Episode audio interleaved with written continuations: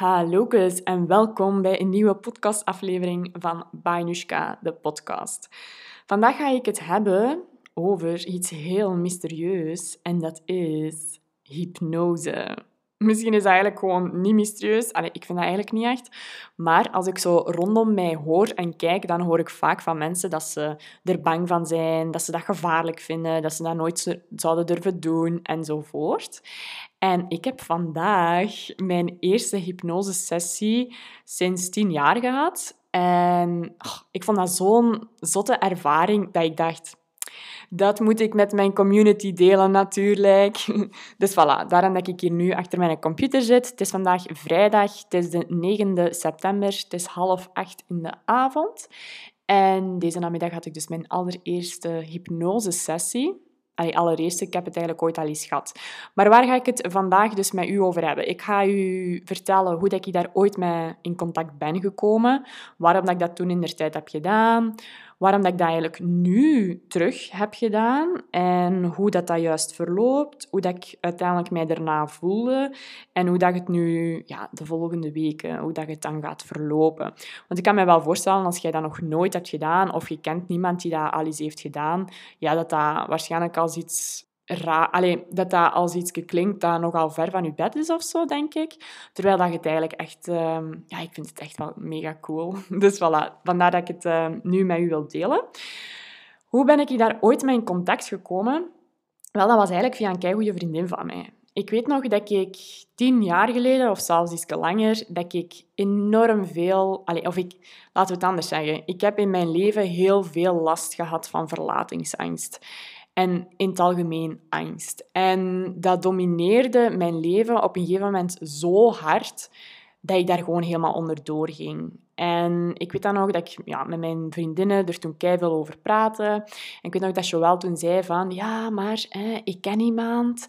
En uh, ja, die, die haar vriend... Dat is een... Ja, hoe noemt dat? Een hypno, hypnotherapeut waarschijnlijk. Die heeft zijn vriendin geholpen van een uh, eetstoornis met hypnose. En dat ik ook zo dacht... Wat? Maar hypnose was toen, hè, tien jaar geleden, echt wel iets ver van mijn bed natuurlijk. Maar omdat mijn vriendin dat toen zo zei, had ik zoiets van... Hmm, misschien moet ik inderdaad daar ook eens naartoe gaan. Dat laat natuurlijk ook weer al zien hoe sterk mond-aan-mond reclame is. Hè?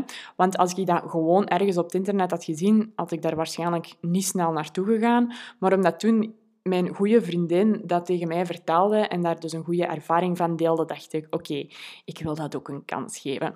Dus ik weet dan nog, hè, tien jaar geleden, dat ik daar toen ben binnengestapt en ik had ook bij die persoon een keigoed gevoel. Dat is, uh, even denken, hè, Jonas Torfs van Hypnoclinic in Antwerpen. Dit is trouwens totaal niet gesponsord, hè, want dat vind ik altijd wel zo super belangrijk om, te, om mee te delen. Vaak denken mensen dat als je groot bent op Instagram of zo, dat je alles gesponsord krijgt waar dat je met plezier reclame voor maakt of zo. Dus dit ook, ik vernoem dat graag omdat ik daar gewoon kei tevreden en blij mee ben. Dus dit is totaal niet gesponsord of zo, als je dat moest denken. Dus ik ben daar toen naartoe gegaan en ik weet nog dat ik toen bij die persoon, dat ik, me daar eigenlijk, dat ik daar echt wel al een heel goed gevoel bij had. En dat ik toen ook zoiets zat bij die hypnose-sessie van wow, dat is wel echt zot. En ik herinner mij op zich daar niet meer zoveel van. Ik zeg het, ja, in die tien jaar is er zoveel veranderd. Ik ben ook totaal niet meer die persoon. Ik weet dat ik toen ook aan het studeren was. Mijn papa was er nog. Ik was eigenlijk ja, toen ook iemand die zo de liefde bij anderen zocht en niet bij zichzelf. Dus dat is echt al super lang geleden. Maar waarom ben ik daar nu dan terug bij gekomen? Wel, ik weet niet of je mijn eh, podcast hebt beluisterd over vier maanden stoppen met de pil. Als je dat nog niet hebt gedaan, zeker doen, want daar vertel ik een beetje over hoe dat deze week is geweest. En wat dat deze week, wat dat er allemaal is gebeurd, is... Ik ben vorige zondag gestart met mijn lancering van de derde ronde van de online course roadmap. En dat was super heavy super heavy in het ding dat ik enorm veel paniekaanvallen heb gehad de voorbije dagen. En niet één of twee, maar drie of vier op een dag. En paniekaanvallen, waar ik u van kan zeggen, die dat ik nog nooit in die mate heb meegemaakt. Als iemand tegen mij zei, ja, ik heb een paniekaanval gehad, dan dacht ik van, ah ja, paniekaanvallen, hoe dat ik dat vroeger had, was zo in hyperventileren en zo wat paniekerig zijn. Maar dit was wel echt mega extreem. Dit was hyperventileren, keihard wenen, heel mijn lichaam dat gewoon in shock was. Dat ik, mijn gedachten, dat ik gewoon ja, mega depressief aan het denken was en dat ik zoveel angst had in, de, in mijzelf, dat ik totaal geen vertrouwen had in mezelf, geen vertrouwen in de toekomst en dat ik echt alles mega zwart zag. Heel, heel, heel vies. En dat duurde ook weer even voordat ik daaruit kwam. Waarom heb ik die paniekaanvallen gehad? Wel, normaal gezien, als ik lanceer in een staat van hè, pakt een half jaar geleden, toen ik mijn antidepressiva en de pil nog nam, dan was dat mijn deuren van de early bird ticketverkoop gingen open en ik ging aan 200 km per uur. Ik ging, ging, ging, ging, ging, totdat ik niet meer kon. En dan was, dat, dan was het normaal gezien tegen dat de lancering gedaan was. Nu ging dat langs geen kanten. Ik voelde dat ik, ja, ik kon niet gaan. Mijn lichaam zei nee, maar mijn gedachten zeiden dan van, jawel, kom aan, je moet gaan. Dus ik was constant in strijd met mijzelf. Super moeilijk. En ja, die paniekaanvallen was eigenlijk echt een super duidelijke een superduidelijk signaal van mijn lichaam dat het niet ging. Ook al wat, wat, hadden mijn gedachten dat wel. Dus dat was echt heel vies. En ik zeg het, ik werd ochtends tot s avonds... Ik werd echt wakker met een paniekgevoel.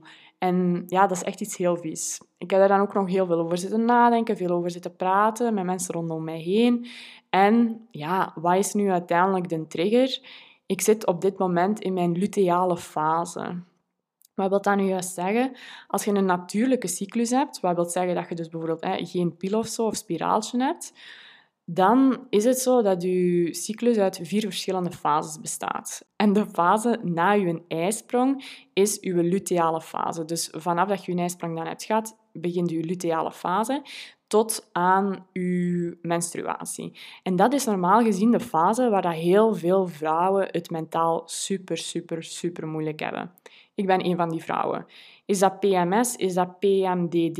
Ik weet het niet. Waarschijnlijk een van de twee, maar ja, gewoon superveel klachten op mentaal vlak.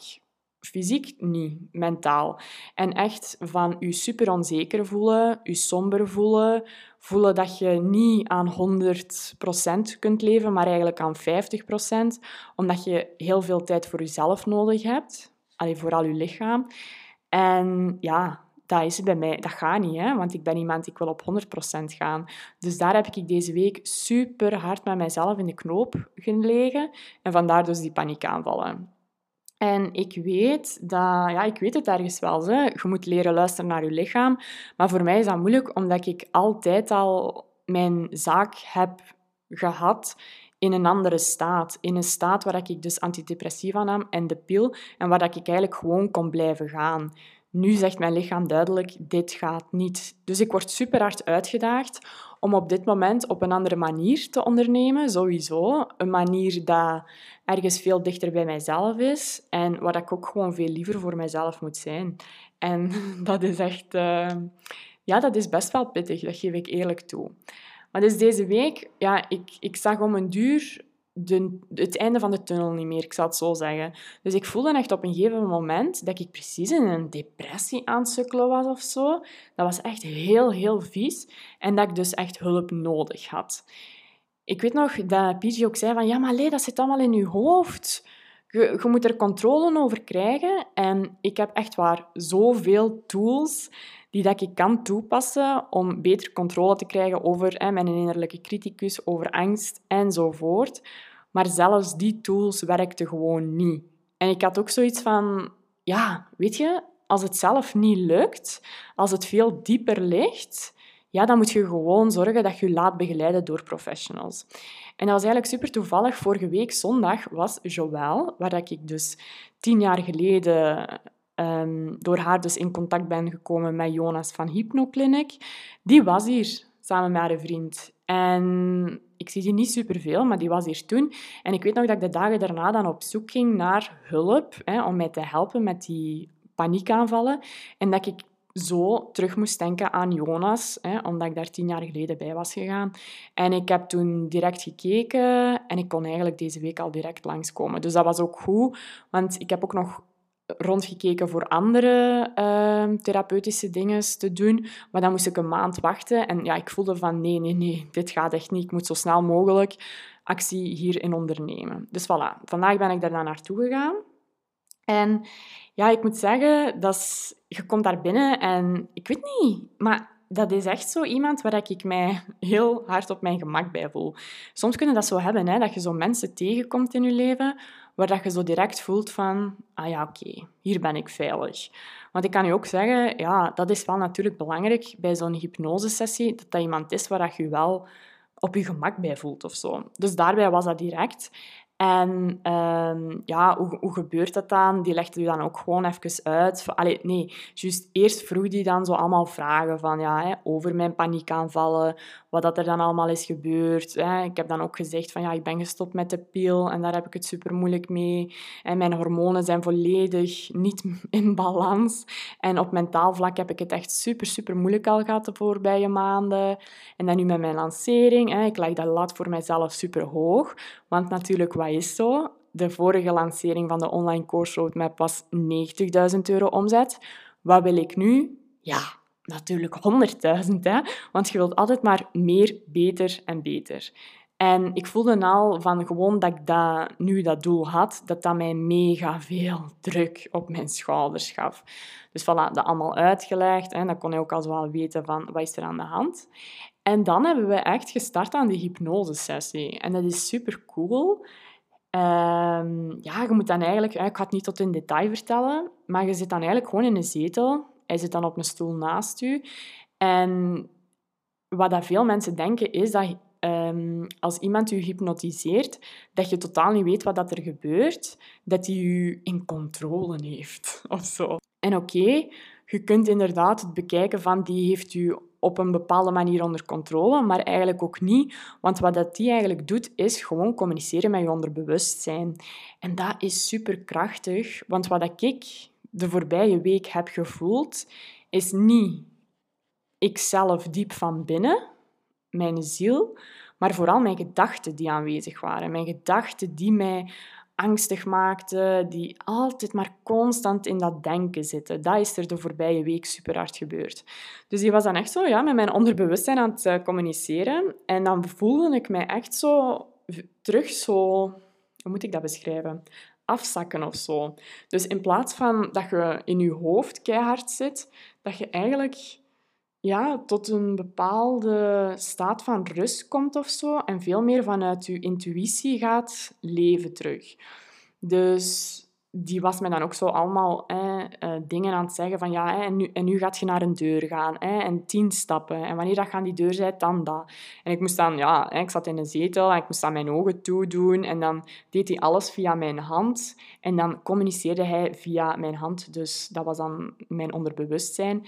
En dan vroeg hij bepaalde dingen en dan als mijn vinger bewoog, dan betekende dat ja. En als hem niet bewoog, betekende dat nee.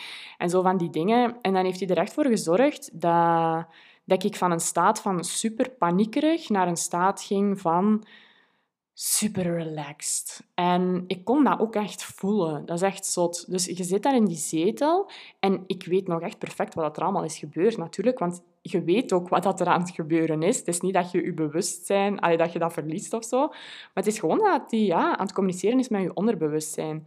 En dat is echt zo cool, want dat is echt wanneer dat alle stemmetjes, al dat ja, dat ego en al, dat dat gewoon weggaat. En ik weet ook nog in ons gesprek dat hè, ervoor zei van... Ja, maar hè, falen, dat doen we allemaal als ondernemer. Hè. Dat, dat is het ondernemerschap ook. Het is inderdaad uh, dingen uitproberen en als het mislukt, ja, diep vallen, maar dan terug opstaan en verder gaan. En ik dacht, ah ja, maar ja, Jonas, tuurlijk, inderdaad, wat jij nu zegt, dat zeg ik eigenlijk ook altijd tegen iedereen. Dus dat is zo grappig, dat zo de dingen waar dat je zelf van weet, of dat je daar zelf een bepaalde kijk op hebt, dat je die soms ook gewoon even uit het oog kunt verliezen. En dat iemand anders je daar dan even terug aan moet ehm, herinneren. Dus dat vond, ik wel, dat vond ik wel heel goed. En ik weet niet hoe lang dat die hypnose uiteindelijk heeft geduurd, want ik heb ook niet naar mijn horloge gekeken of zo. Maar dat leek dat dat 10 minuten duurde of zo. Of 20, ik weet het niet. Maar dus helemaal niet zo lang. Het is vooral ja, dat praten op voorhand. Hè, dat hem echt zo gaat onderzoeken van, ja, van waar komt dat nu en met, met wat struggelt je. En dan echt het probleem hè, gaan aanpakken. En ik weet nog, ik kwam daar binnen met een sava gevoel, maar ik ging daar echt buiten met mega veel zelfvertrouwen. Dat is echt zo dat ik ook zo voelde in het verkeer en zo, dat ik, of, of zo, dat ik iets deed, dat dat echt gewoon van diep van binnen kwam. Dat, dat mijn gedachten dat die veel minder aanwezig waren. En want dat is vaak zoals je iets doet, dat je gedachten dan opkomen van oei, maar zou je dat wel doen? En oei, dit en wat als? Maar dat dat daarna eigenlijk totaal niet bij mij is opgekomen of zo. Dus dat je van daaruit veel meer gaat leven vanuit je intuïtie eigenlijk. Hè. Ik denk dat je het zo kunt noemen, van je diepste binnenste en dat die gedachten veel meer uitgeschakeld zijn. En dat is echt zo'n verademing. Dus vandaar dat ik ook zoiets had van, ja, ik wil dat wel even delen. Het kan zijn dat jij nog nooit met hypnose in contact bent geweest. Het kan ook zijn dat je het maar niks vindt. Dat kan perfect. Maar ik vind dat gewoon... Ja, ik vond het echt weer zo'n aangename ervaring. En dat, ja, dat is gewoon zo krachtig. Hè? Allee, je gaat daar binnen, je vertelt hetgene. Hè? Die paniekaanvallen deze week, dat was echt niet normaal. En ik kreeg er zelf gewoon geen grip op. En dat je dan zo je laat hypnotiseren en dat je dan erbuiten kunt komen met zo'n krachtig gevoel en dat je zelfs geen angst meer hebt om die paniekaanvallen te krijgen. Want dat had ik dan. Hè. Om het duur was ik zelfs overdag gewoon angstig van oh nee, wanneer gaat er weer een paniekaanval gaan komen? Want zo'n paniekaanval, dat is echt precies of je zij letterlijk aan sterven. Hè. Dat is echt uh, iets heel vies. Dus voilà, dat is eigenlijk wat dat die hypnose bij mij heeft gedaan en wat dat het dus eigenlijk is. Hè. Dus even kort samengevat, hoe dat, dat bij mij was, ja, je maakt dus een afspraak, je gaat daar naartoe, uh, die verwelkomt u, super warm, aangenaam persoon, waar, je eigenlijk, allee, waar ik mij eigenlijk als hoogsensitief introvert persoon, gevoelig persoon, al direct bij, op mijn gemak voelde. Je zet je dan gewoon in een zetel, die zit in een stoel over u, die legt dat uit hoe dat, dat werkt. En ja, die gaat u zelf eigenlijk vragen van met wat dat allemaal zit. Dus je hebt eigenlijk eerst gewoon van persoon tot persoon een gesprek. En dan uh, doet hij dus de hypnose. En ja, dat heeft echt superveel gedaan met mij. En hoe dat het nu dan verder gaat, is... Ik heb volgende week terug een sessie. Ik denk, normaal gezien heeft um, hypnosebehandeling, heb je twee tot drie sessies dat je kunt doen. En ja, we hebben volgende week onze tweede. Ik weet niet of ik een derde moet doen. Misschien niet. Maar hij zei ook van, ja, jij kunt je heel goed overgeven. Dus het ging wel heel goed om met mijn onderbewustzijn te communiceren. Dus voilà, dat is mijn verhaal over mijn eerste hypnosesessie tegen mijn faalangst. En goh, ik kijk er eigenlijk alvast naar uit om je volgende week wat meer te vertellen. En hoe dat, dat mij, ja, mij de volgende dagen of weken heeft geholpen of wat dat, juist met mijn leven heeft gedaan. Want dit is natuurlijk nog maar een paar uur daarna. Maar ik vond het gewoon al zo krachtig dat ik het alvast vandaag met u wil delen.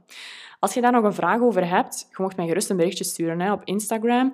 Ik zal ook Jonas zijn eh, website hier even onderzetten. Want ik heb dat nu gedaan voor faalangst, maar je kunt ook hypnose voor andere dingen doen. Hè. Ik weet dat hij dat ook doet voor zelfvertrouwen en zo. Dus uh, neem zeker eens een kijken op zijn website. En dan zal ik zeggen, geniet nog van uw ochtend, middag of avond en tot de volgende.